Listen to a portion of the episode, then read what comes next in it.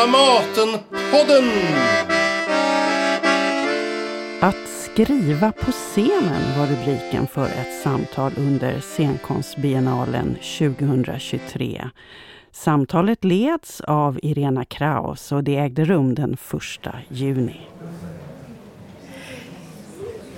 Hjärtligt välkomna och god morgon säger jag till det här morgonsamtalet med Staffan Göte som sitter här. Jag tror inte Staffan behöver någon närmare presentation. Eh, när jag kom i morse klockan nio då var det faktiskt kö här ute på gatan. Det säger väl en del om vad vi ska prata om här. Eh, här har vi också Kent Hägglund. Och det är Kent, det är du som har skrivit den här fina boken om Staffan.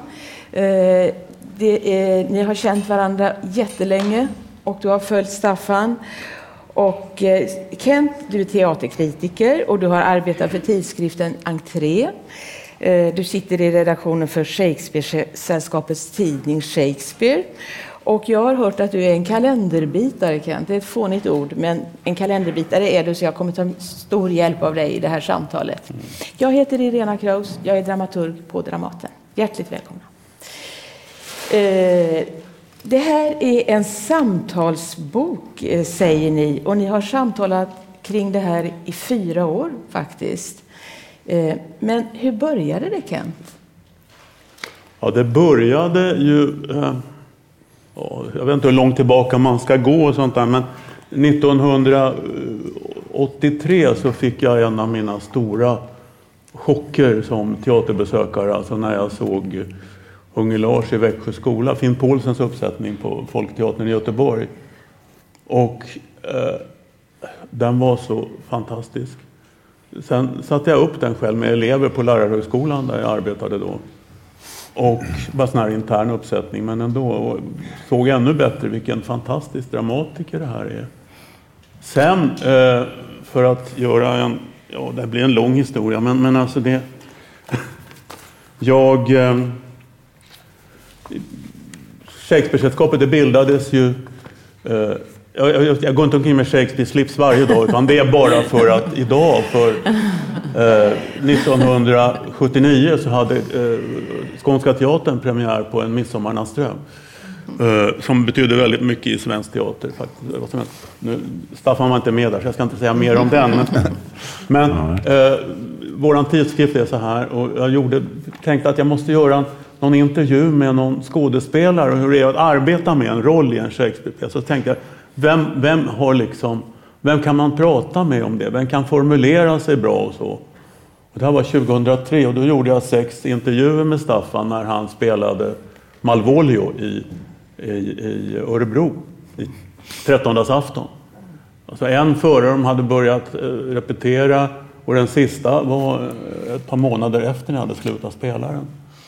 Och sen gjorde, då, och, då fattade jag vilken fantastisk person Staffan är. Och då gjorde jag, det ledde till att jag, nej, vad har jag gjort av den nu då? Oj, oj, oj. I Teaterforum,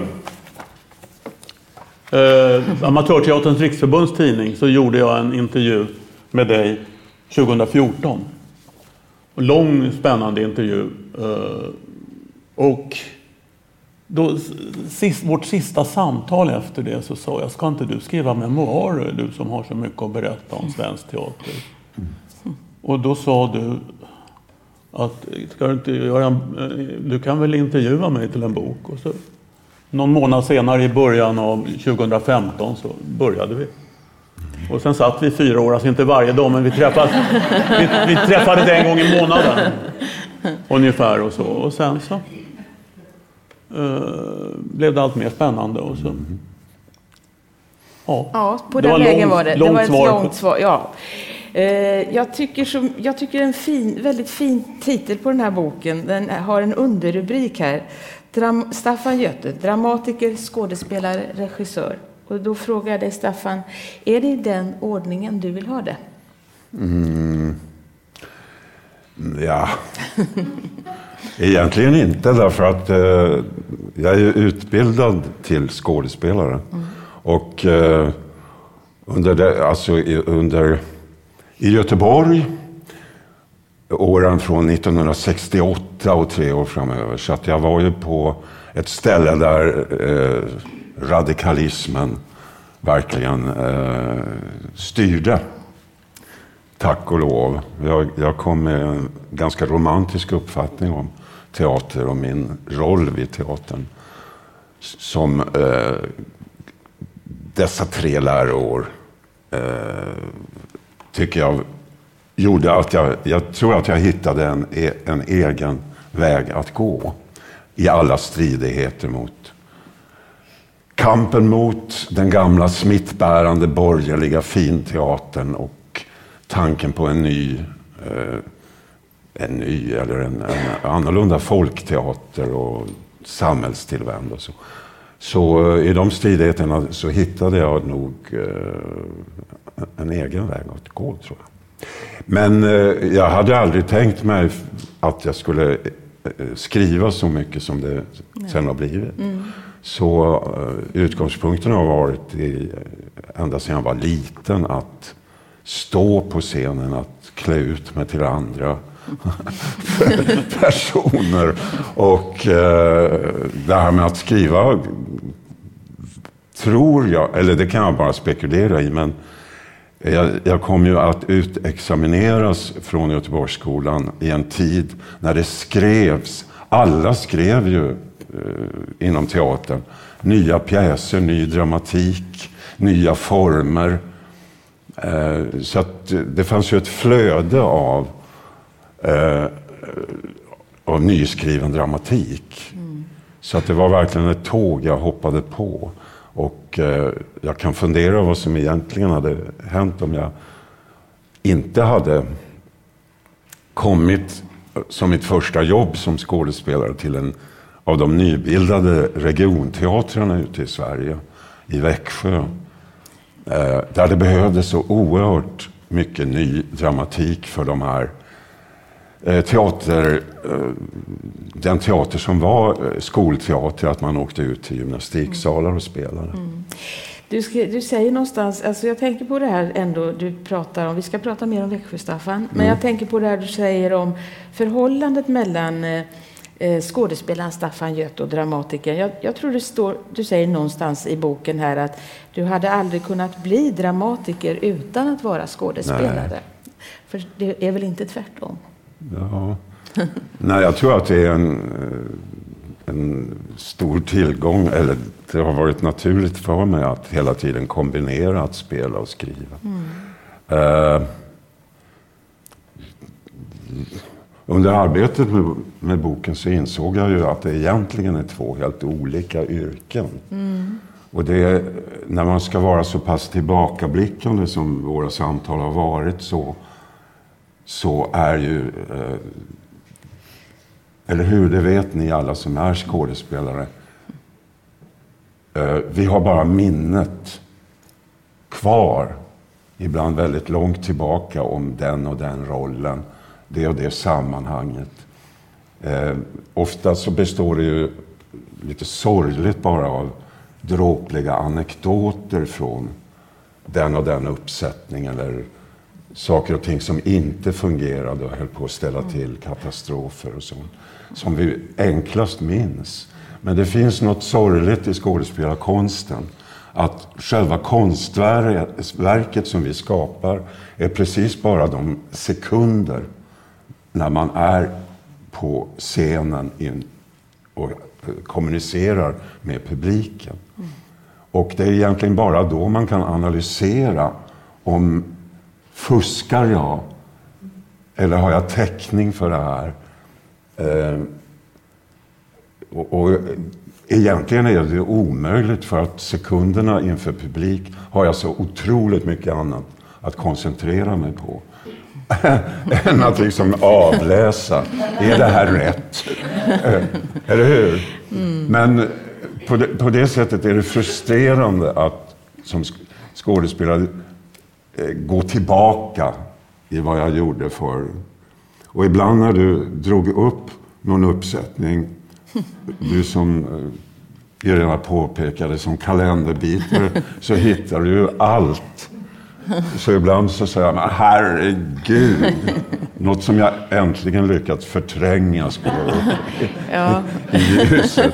Så det fanns en del av det som har varit ren psykoterapi tycker ja, jag. man har en känsla av det, att, Ja. att du Kent verkligen har... eh, Men det är Ja. Mm. ju till skillnad från, som dramatiker kan jag, ju, kan jag ju ta något som jag skrev för 30-40 år sedan och att, att så att säga bedöma, vilket jag aldrig kan göra.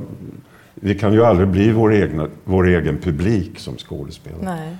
Och det, det är ju verkligen en stor skillnad i. Sen finns det så mycket, tycker jag, som är gemensamt i sättet att eh, iaktta verkligheten, att lyssna på människor och på ett sätt och vis genom eh, tillvaron på många olika sätt samla material till det vi gör på teaterscenen. Ja, eh, Kent, du ska få komma in. Men jag, jag har en fråga till som har, har, har att göra med det här. För du säger någonstans, Staffan, att som skådespelare och som dramatiker ställer man sig helt olika frågor. Det tyckte jag var intressant. Ja. Vill du utveckla det lite? Ja, ehm, dålig dramatik, som det tyvärr också florerar. De svar, den svarar på alla frågor. Så att man som skådespelare kan tänka, men vad fan, jag har väl inte mer att tillägga. Därför att jag har kommit fram till att som dramatiker så förflyttar jag mig till någon plats där jag föreställer mig att de här människorna eh, som jag har tänkt ut träffas.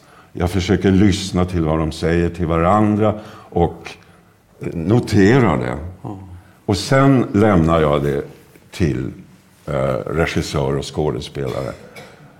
Det vill säga, de, de har att svara på varför och hur. Alltså varför sker det här mellan människorna? Varför blir hon eh, upprörd? Eh, varför eh, inträffar det? Och så, så att säga. Den dåliga dramatiken har redan svarat på det. Därför där förklarar människorna hela tiden sin egen psykologi och, och så. Eh, Så att eh, som dramatiker har jag bara att svara, eller att, att lämna en kod. Där har jag lyssnat någonstans som ju är i, i min inbildningskraft. Där har jag avlyssnat och så tar de konstnärerna itu med att utröna varför och hur det här ska uttryckas. Dålig dramatik innehåller ju mycket anvisningar om hur det ska spelas, hur det ska se ut och hur... ehm, och, och- det är ju sällan populärt bland skådespelarna det finns så mycket anvisningar om hur det ska göras. Och Det är fullt berättigat, tycker jag. Ja, jag tänker också på den här processen. Liksom, att du, jag, menar, jag, jag känner ju dig Staffan och jag tänker att det finns ju... Du, jag vet att du tycker om att vara ensam men jag tänker att också att du vet när du skriver en pjäs att processen är att det kommer lämnas över till andra. Ja. Att det finns... Ja. Det tycker jag är... Jag tror aldrig att jag skulle trivas med att sitta och skriva romaner. eh, I den formen av ensamhet. För att eh, naturligtvis är det en fördel att växla mellan de här två. Att, att vända teatern ryggen under en tid och sitta ensam. Men då vet jag att det här är just bara den där koden och sen väntar ett samarbete med så många vilket jag hoppas framgår också i boken av eh, och, och som Kent har verkligen pekat på att eh, något som presteras på teatern är aldrig en människas verk utan att det är, det är ju en så kollektiv konstart. Och eh, genom din eh, försorg så är ju boken fylld av eh, av, av eh, också personregistret eh, är, tycker jag, en bild av svensk teater som det har varit under de här 50 åren som det faktiskt är jag har jobbat. Ja, det är en otrolig bok du har skrivit, Kent. Det, den är så otroligt rik och den följer Staffans liv och karriär hand i hand, verkligen. Och du, har, du går kronologiskt och väldigt grundligt tillväga. Du går igenom Staffans 30 pjäser.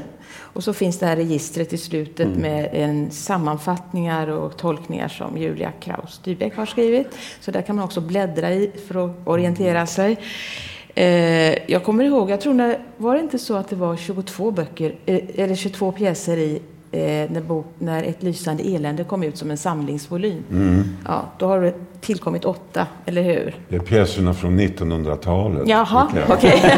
Okej. poängtera. Ja, men då, då så, så, så, frågar jag dig Ken, för jag tycker det, det verkar som du har en teknik som är väldigt framgångsrik här. Eh, Du, du börjar väldigt så här konkret och enkelt. Du ställer frågan helt enkelt. Hur började det? Är det så du har gjort när du har fått Staffan att öppna sig här?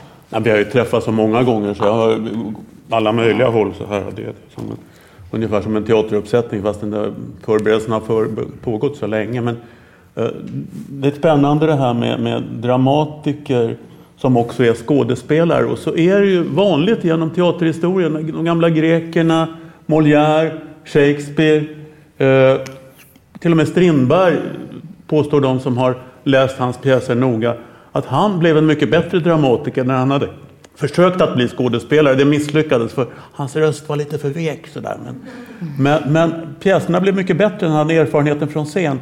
Och då tänker jag, nu ser väl inte alla det här naturligtvis, men jag, på samma sätt som Shakespeare kunde se sin publik på Globteatern och den teater som var innan och när de var på turné så kunde ni i, i Växjöensemblen se publiken när man spelade i, i gymnastiksalar och sånt här och hur de reagerade och betedde sig på olika sätt och så. Och det, det är... Och sen när du pratar nu Staffan så kommer jag att tänka på det du säger någonstans i boken att du skriver aldrig så bra som när du har stått på scen kvällen innan. Nej, så är det nog faktiskt. För att, eh, ja, alltså för mig så är teaterscenen som ett slags ett instrument. Eh, jag tycker att det, jag ifrågasätter liksom den där synen på att skådespelaren är sitt eget instrument. Därför att skådespelaren spelar på ett instrument som är teaterscenen. Och eh, förutom alltså allt som är minutiösa förberedelser, så att i ögonblicket spela på det instrumentet innehåller så oerhört många faktorer, hur man förhåller sig till, till scenrummet, till eh, naturligtvis till all rekvisita, scenografi, till ljuset eh, och till publiken. Och eh, därför, alltså förmiddag efter att jag själv har spelat, så känns det som en styrka att jag så nyligen har varit en som spelar på det instrumentet. Och jag tror, det, det är ju naturligtvis en hypotes, men jag tror att det ger en tonsäkerhet som jag har. Eh, eller jag har erfarenhet av att perioden när jag enbart har, har skrivit så har jag fått har jag inte haft den eh, resursen. Så jag tror att eh, och, och det, naturligtvis också någonting som präglas som en vana. Att eh, det har ju krävt faktiskt en, en, också en arbetsdisciplin att eh, se till att eh, skrivandet sker då och då och sen på kvällen att spela eller Nej, men det, det, jag tror att utifrån att, att det handlar också om musikalitet, att ha känsla för själva... Jag kunde ju, år, när jag jobbade här på teatern så, så kunde jag tycka att jag hade ett behov att ibland, mellan repetition och föreställningar, gå in i smyga in på andra eller tredje raden för att bara se scenen som, som då kanske man höll på att bygga eller Mm. Och eh, var jag riktigt inne i att skriva så gick jag ner på parkett och satt en, närmare. För att, eh? Det är som en stor flygel att spela. Staffan, eh, eller Kent, du nämnde, Kent nämnde Växjöensemblen här. Nu backar vi tillbaka i tiden till 72, en natt i februari. Du gjorde vissa upptäckter här när du kom till Växjö och du fick du, du, du, du började skriva för barn, eh, barnteater. Mm. Eh, vad var det som lockade dig med det? Ja, det var inte något särskilt utan att det var, det var ju vad vi behövde. Mm. Och uh, uh, Ulf Fredriksson som var regissör vid Växjö, ja, den som kom till skolan i Göteborg för att rekrytera mig.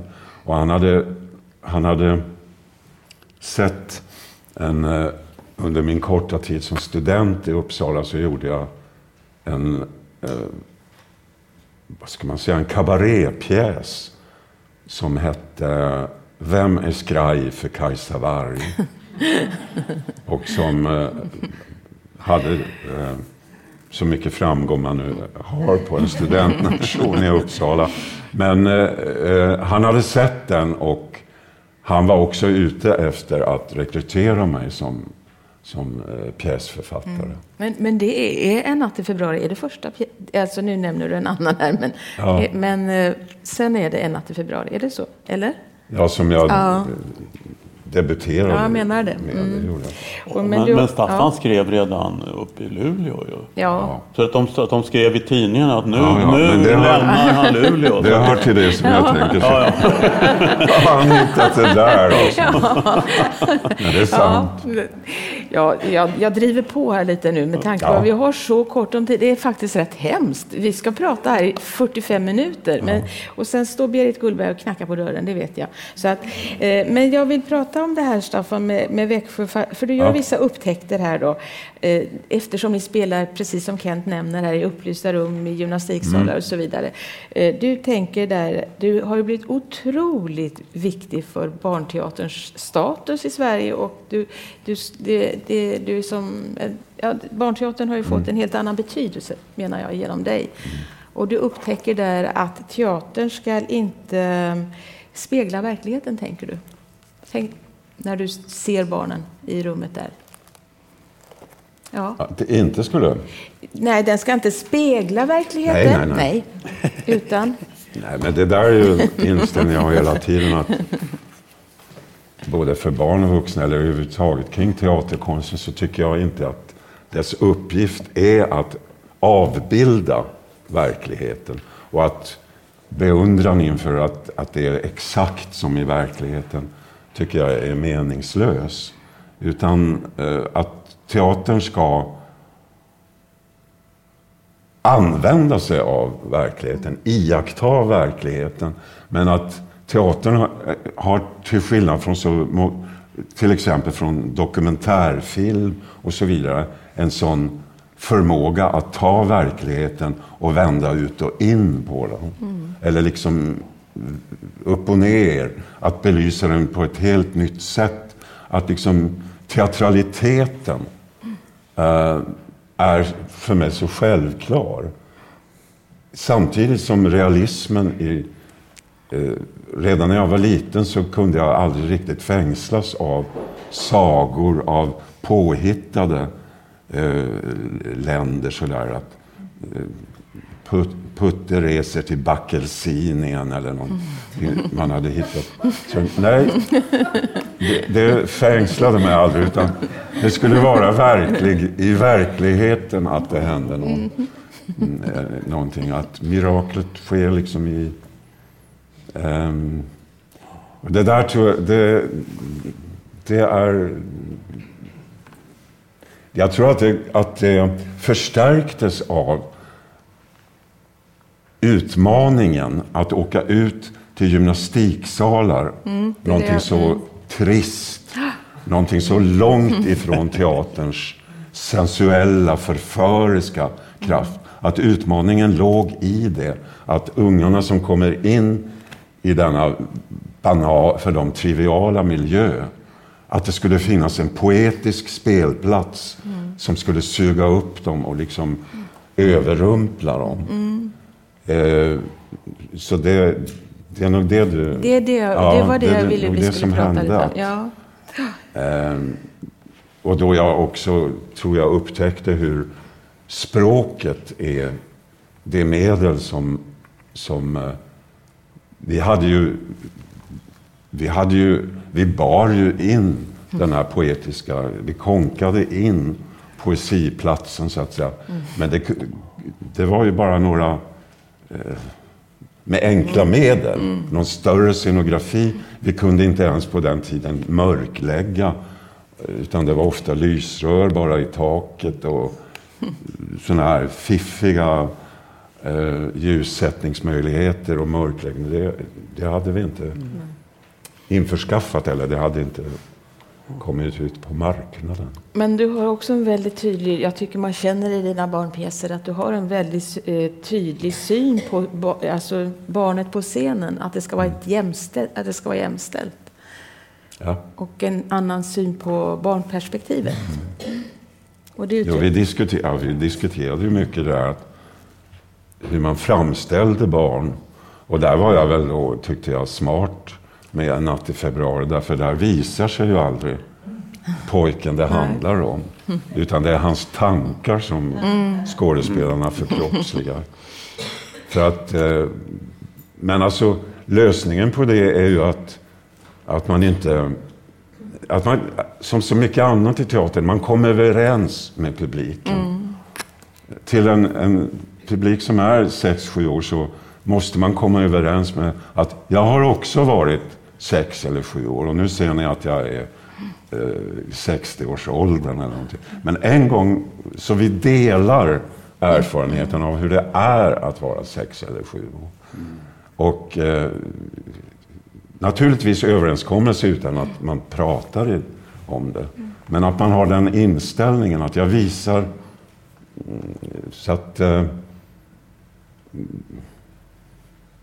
Ja, ja det hörde jag, tyckte, jag tyckte, också ja, till vad som ja, grundlades när ja, jag jobbade. Det var en, rolig, en liten rolig detalj, ett litet sidospår, men jag bara fastnade för det. Det, det är någonting du noterar där Kent, men eh, Mats Ek satte ju faktiskt upp en natt i februari. Det, det var ditt första möte med, med Mats, antar jag? Mm. Och det, där står det också att han gjorde det med äldre skådespelare. Var Jaha, det så? Ja, ja. Det tyckte jag var jätteroligt att läsa med tanke på hur vi sen har jobbat med Mats. Ja, just det. Ja. Men hur gamla var de? Var det jättegamla skådespelare? Ja, det tyckte Eller var jag det... ju då. Ja, okay. ja. Nej, det var, alltså den kom upp precis efter, när vi hade gjort uruppsättningen. I, så gjorde man den i, eller mm. Mats Ek ja. gjorde den i Norrköping. Och då eh, fanns det en, en skådespelare, Lennart Tholén, som väl kanske var 45 år. Så gammal? Men som för mig för att de här tankarna som, som det, de försöker bearbeta den ångest som pojken har, att han har slagit sönder den här flask, termosflaskan. Men de, vissa avsnitt så, så gestaltar de pojken som hur han är på skidutflykten där det har hänt. Och så Lennart Tholén satte på sig den här skolväskan och skildrade hur pojken och där upplevde jag det, tror jag, just där som jag mm. pratade om. Att det är en slags... Han, han lyckades fånga det att man trodde på att det här har han själv upplevt. Och att han liksom delade med sig, delade erfarenheten om de ruelser det är att ha gjort något som man tror att man kommer att bestraffas för. Och försöken att hitta nödlögner, eh, utvägar och sådär. Mm. Eh, vi, eh, ska vi prata lite grann om ditt förhållande till regissörer, tänker jag, för det är också spännande här. Nu, nu hoppar vi till Göteborg då, Kent. Eh, du, vi har varit i Göteborg tidigt när du gick på scenskolan, men mm. sen kommer du tillbaka till Göteborg. Eh, det minns jag faktiskt, för jag var 18 när jag jobbade på Folkan i Göteborg. Då minns jag den itusågade damen där. Ja. Finn Paulsen är ju en viktig regissör i ditt liv. Ja. Um, uh, vad, hur, hur är, vad betyder Finn för dig? Han får, är också en person som får läsa under tiden att du skriver dina pjäser. Mm. Hur ser samarbetet ut? Eller, ja. Ja, det var alltså väl en lyckträff att det fanns uh, mycket hos Finn som, som kompletterade mig. Mm. Och uh, vi, vi lyckades tidigt hitta ett språk att förstå varandra. Och framförallt så, så hade han en, en, eh, en stor öppenhet för min humor. Mm. och naturligtvis också att han, han eh, gav mig alltid största möjliga frihet. Han, han, han respekterade mitt sätt att tänka. Um, eller min självständighet. Um, han hade ju i, i sig en oerhörd känsla för dramaturgi i fråga om rytm och så. Där jag var mer utan gränser och mer, som det på den tiden hette ofta, att man var flummig. och det var bland det fulaste som fanns inom den vänsterdogmatiska teatern. Då, då var, att man var flummig var, var bara ut härifrån. eh, eh, och jag var nog kanske flummig. Men eh, där, där var ett en fruktbart samarbete med Finn som var också mycket rationell och mm. eh, så småningom också oerhört erfaren av mm. just barnpublik. Mm. Men det var så alltså, han läste och han, han, fick, han var din dramaturg lite ja, helt enkelt. Ja. Om vi nämner här då, den itusågade damen, för den är ju intressant på jättemånga sätt. Eh, den har ju någon slags revykänsla i sig. Mm. Och jag, jag, vet att du tycker jättemycket om revy, Staffan, och du ville själv bli revyartist ett tag. Ja. Eh, varför, varför blev det inte så? därför, därför, att jag fick inse till slut att jag har inte riktigt den talangen. Men eh, jag tror att... Eh, ah, vet inte. Jag gjorde tidigt, när jag gick eh, redan i gymnasiet i Luleå, så gjorde jag skolrevyer som, som och så flyttade familjen eh, till Uppsala. Och då var det helt enkelt i Norrbottens-Kuriren stort uppslag eh, att revystjärnan lämnar Så högt nådde jag. Men jag har upptäckt att i det numret av Norrbottenskrigen så finns det ett foto där jag är porträttlik, verkligen, Tore Skogman. Taget ur någon parodi, något revynummer. Mm. Som liksom är så här. Men när man bläddrar vidare så finns det en bild som ska vara mer privat. Mm. Och då, då sitter jag där och blek, melankolisk äh, yngling med en gitarr så här som det verkar att jag slår mollstämda ackord. Eh, och, och, på något sätt så var det exakt vad som hände. Mm. Eh, när jag sen, bara något år senare, var i Uppsala och skrev just den här Vem är för Kasavar. Så när jag läser den så ser jag att där har kommit helt andra influenser än från eh, Knäpp upp, Povel Ramel, Karl Gerhard och lokalrevy då som, som jag hade, eh, som hade varit liksom i, att, att ge utlopp åt eh, det jag tyckte var eh, teater och publik och, och medryckande musik och så. Mm. Så där, där kan, Vem skarv för Kassavar, finns det alltså något, något influenser av Beckett? eh, faktiskt, eller hur? Oh, absolut. Ja. Och eh, sen hade det alltså vid den tiden, början 60-talet, det hade kommit mer sån här litterär kabaré med Lars Forssells eh, försvenskningar av de, den franska viskonsten och så. Så att jag tror att... Uh, uh, ja. Ja. Det, du hade ett... Men mm. det finns som du antyder, det har ju alltid funnits någon slags förankring i eh, det lättsinniga revyn och mm. cirkus uh, tingeltangelvärlden så att säga som, som jag tycker hör till uh, teaterns uh, verkningsmedel. Mm. Vi, vi, ska prata om, nu vill Kent säga någonting, sen ska vi prata, ja. vi måste prata ja. lite om den stora, ditt stora, stora genombrott. Vi måste prata om serveringssviten här. Men Kent? Ja, det är bara så fantastiskt under vårt arbete så har jag lärt mig olika böcker och föreställningar som påverkat dig. Pippi Långstrump i Söderhavet. Som du berättar väldigt fint om hur det påverkat dig. Och hela det här, och, och det här med knäpp upp och hela detta hur det på något sätt förklarar ännu bättre vilken fantastisk dramatiker du är. Men sen tänkte jag på det här som du sa om, om uh, att man glömmer, man, det är svårt att komma ihåg och detaljer. Det är likadant för publiken. Man brukar säga att teatern är ögonblickets konst. Men när man ser föreställningar som riktigt skakar om en så blir ju det kvar i kroppen. Alltså när, du sa, eh, när du sa Lars Forssell så kom jag att tänka på första gången jag såg dig på scen var Haren och vråken, Skånska teatern. Oj! Mm. Och jag liksom bara blev skakig när jag tänker på hur du gjorde General Piper. Alltså det var... Oh.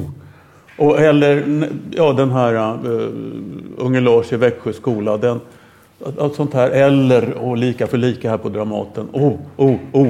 Alltså det är något fantastiskt. Att det är som ögonblickets konst, men det lever kvar i små bitar inuti en.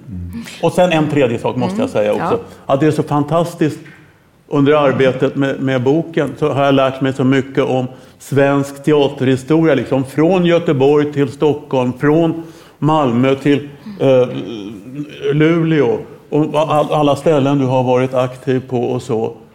Och det är eh, fantastiskt. Mm, det är väldigt roligt i boken. Väldigt roligt hur du liksom, man skulle kunna gå kronologiskt tillväga och bara nämna städernas namn. Och där du då har antingen, antingen har du liksom en personlig anknytning, men i de flesta ställena har du ju också, för, eftersom du har spelat på så oändligt många scener, Staffan. Det är också väldigt fint att följa det spåret i, i boken här, tycker jag. Men nu reser vi till Italien, Staffan. Du flyr till Italien, kan man säga, från mm. en del personliga problem. Ja. Mm. Och eh, i Italien så tänk, kommer du på att du vill skriva en pjäs, en familjefresk helt mm. enkelt. Kärleken till Italien är också ett starkt stråk hos dig. Mm.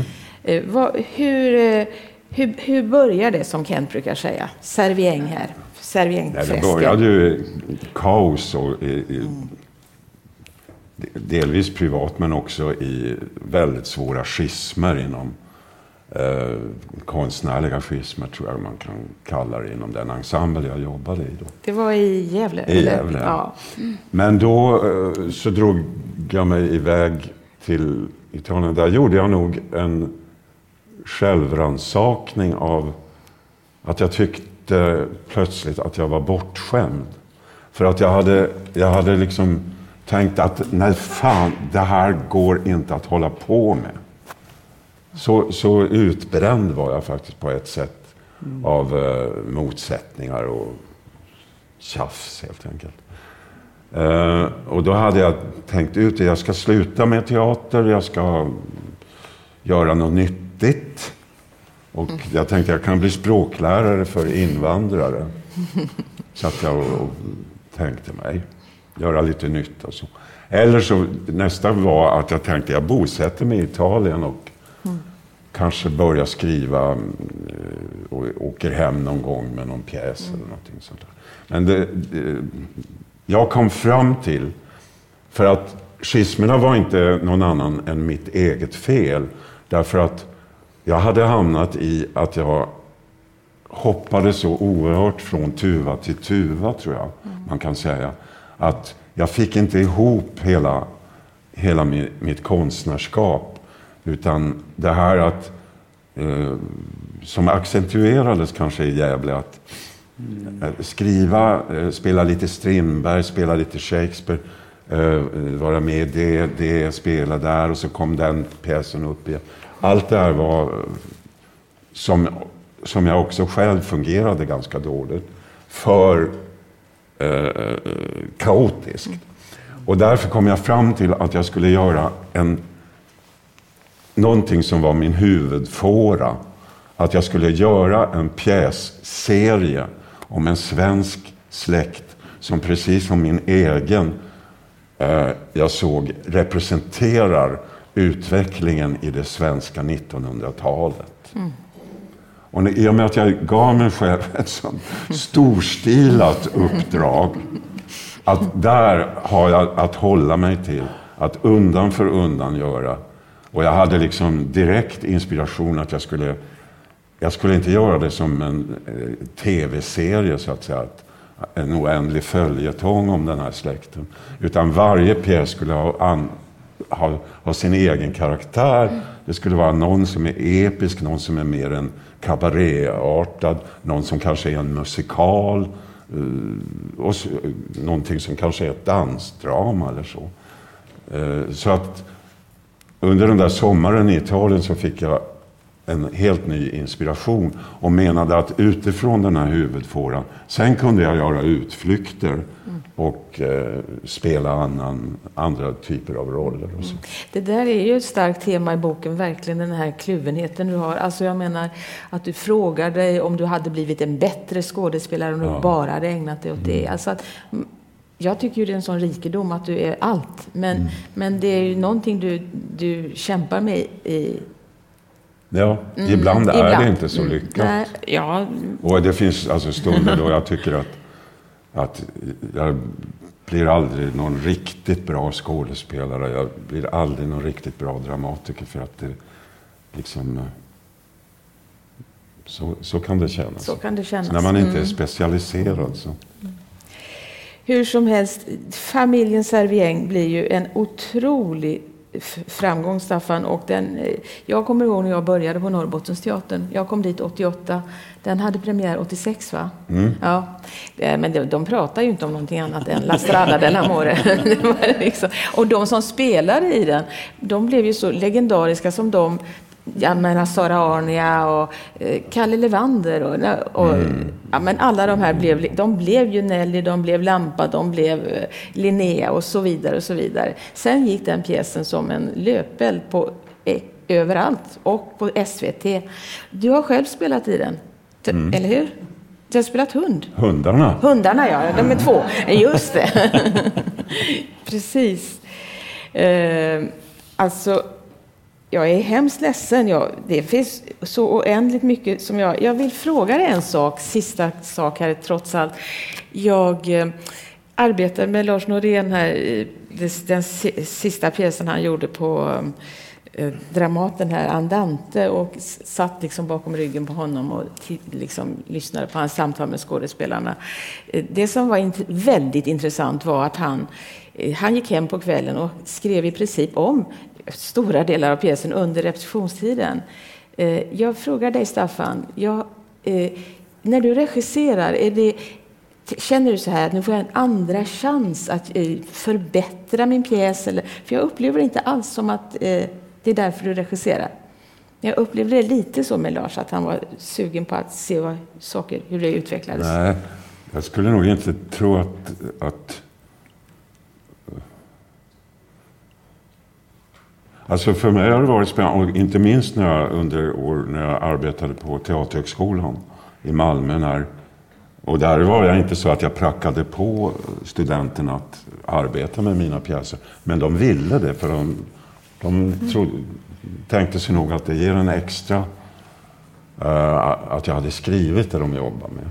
Och uh, det var för mig alltså så stimulerande att se hur en helt ny generation eh, tolkade. Så jag låg ju inte, verkligen inte över dem att det här ska göras på det och det sättet. Utan så tror jag nog överhuvudtaget, apropå det inledningsvis sa, att det är skådespelarna som har frågor att svara på. Jag har redan... Och jag har alltid varit mycket noga med att i regisammanhang att som dramatiker kan jag, har jag naturligtvis en hypotes mm. om varför det är si och varför det är så. Men det, jag har så många exempel på att skådespelare har hittat mycket, mycket intressantare hypoteser. Och om de arbetar rätt genom att ta väldigt mycket i repetitionsarbetet från impulser från och, och skapa ett, ett, samspel och så vidare. Det är där liksom språnget kan göras. Mm. Och det är väl det språnget som alltid har intresserat mig. Inte så att säga det sakrosankta i vad jag har skrivit utan vad som, vad som sker mellan skådespelarna. Mm. Kent, du ville När vi skulle sätta titeln på boken så ville jag ha en sak till med där och det var pedagog. Mm. För att du har betytt så mycket som pedagog. Och, och, du berättar så bra om arbetet med roller och sånt här och sånt. Så jag började 1900, eller 1900, 2015, när samtidigt som vi satte igång med boken, så började jag spela amatörteater. Och när jag läser om boken, jag har läst om den tre gånger nu sedan den kom ut, i, i, i, så märker jag ju hur mycket jag lärde mig av dig. Av det du berättade om dina rollarbeten och sånt där och sånt. Och jag tror ju att det här skulle kunna vara en väldigt bra lärobok på teaterhögskolor. Alltså både att se svenska teaterns historia men också att se olika ingångar till roller, hur en dramatiker tänker och hur en, ja, en stor dramatiker som du. Hörrni, det börjar, tiden bara rinner iväg. Det är väldigt, väldigt tråkigt att det är så här kort om tid. Vi har inte pratat om till exempel, det kan börja med en låt, Staffan, som Carolas Främling, med musikens betydelse i den här pjäsen. Vi har inte pratat om ja, tusen och en saker. Det får ni fortsatt läsa om i, i, boken såklart. Vi sitter på Dramaten. Här har du en jättelång historia. Det har varit fantastiskt att ha det här. Så fantastiskt! och här har du också skrivit. Du skrev ett lysande elände för Elverket. Och du har spelat i oändligt många pjäser. Senast spelade du Galilei. Galileis liv. Eh, historien om Dramaten och allt annat får ni läsa om i boken och den finns faktiskt att köpa där ute. Ni kan få den signerad idag av Staffan och Kent.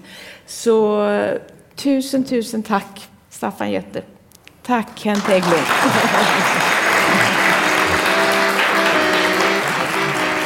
Dramaten-podden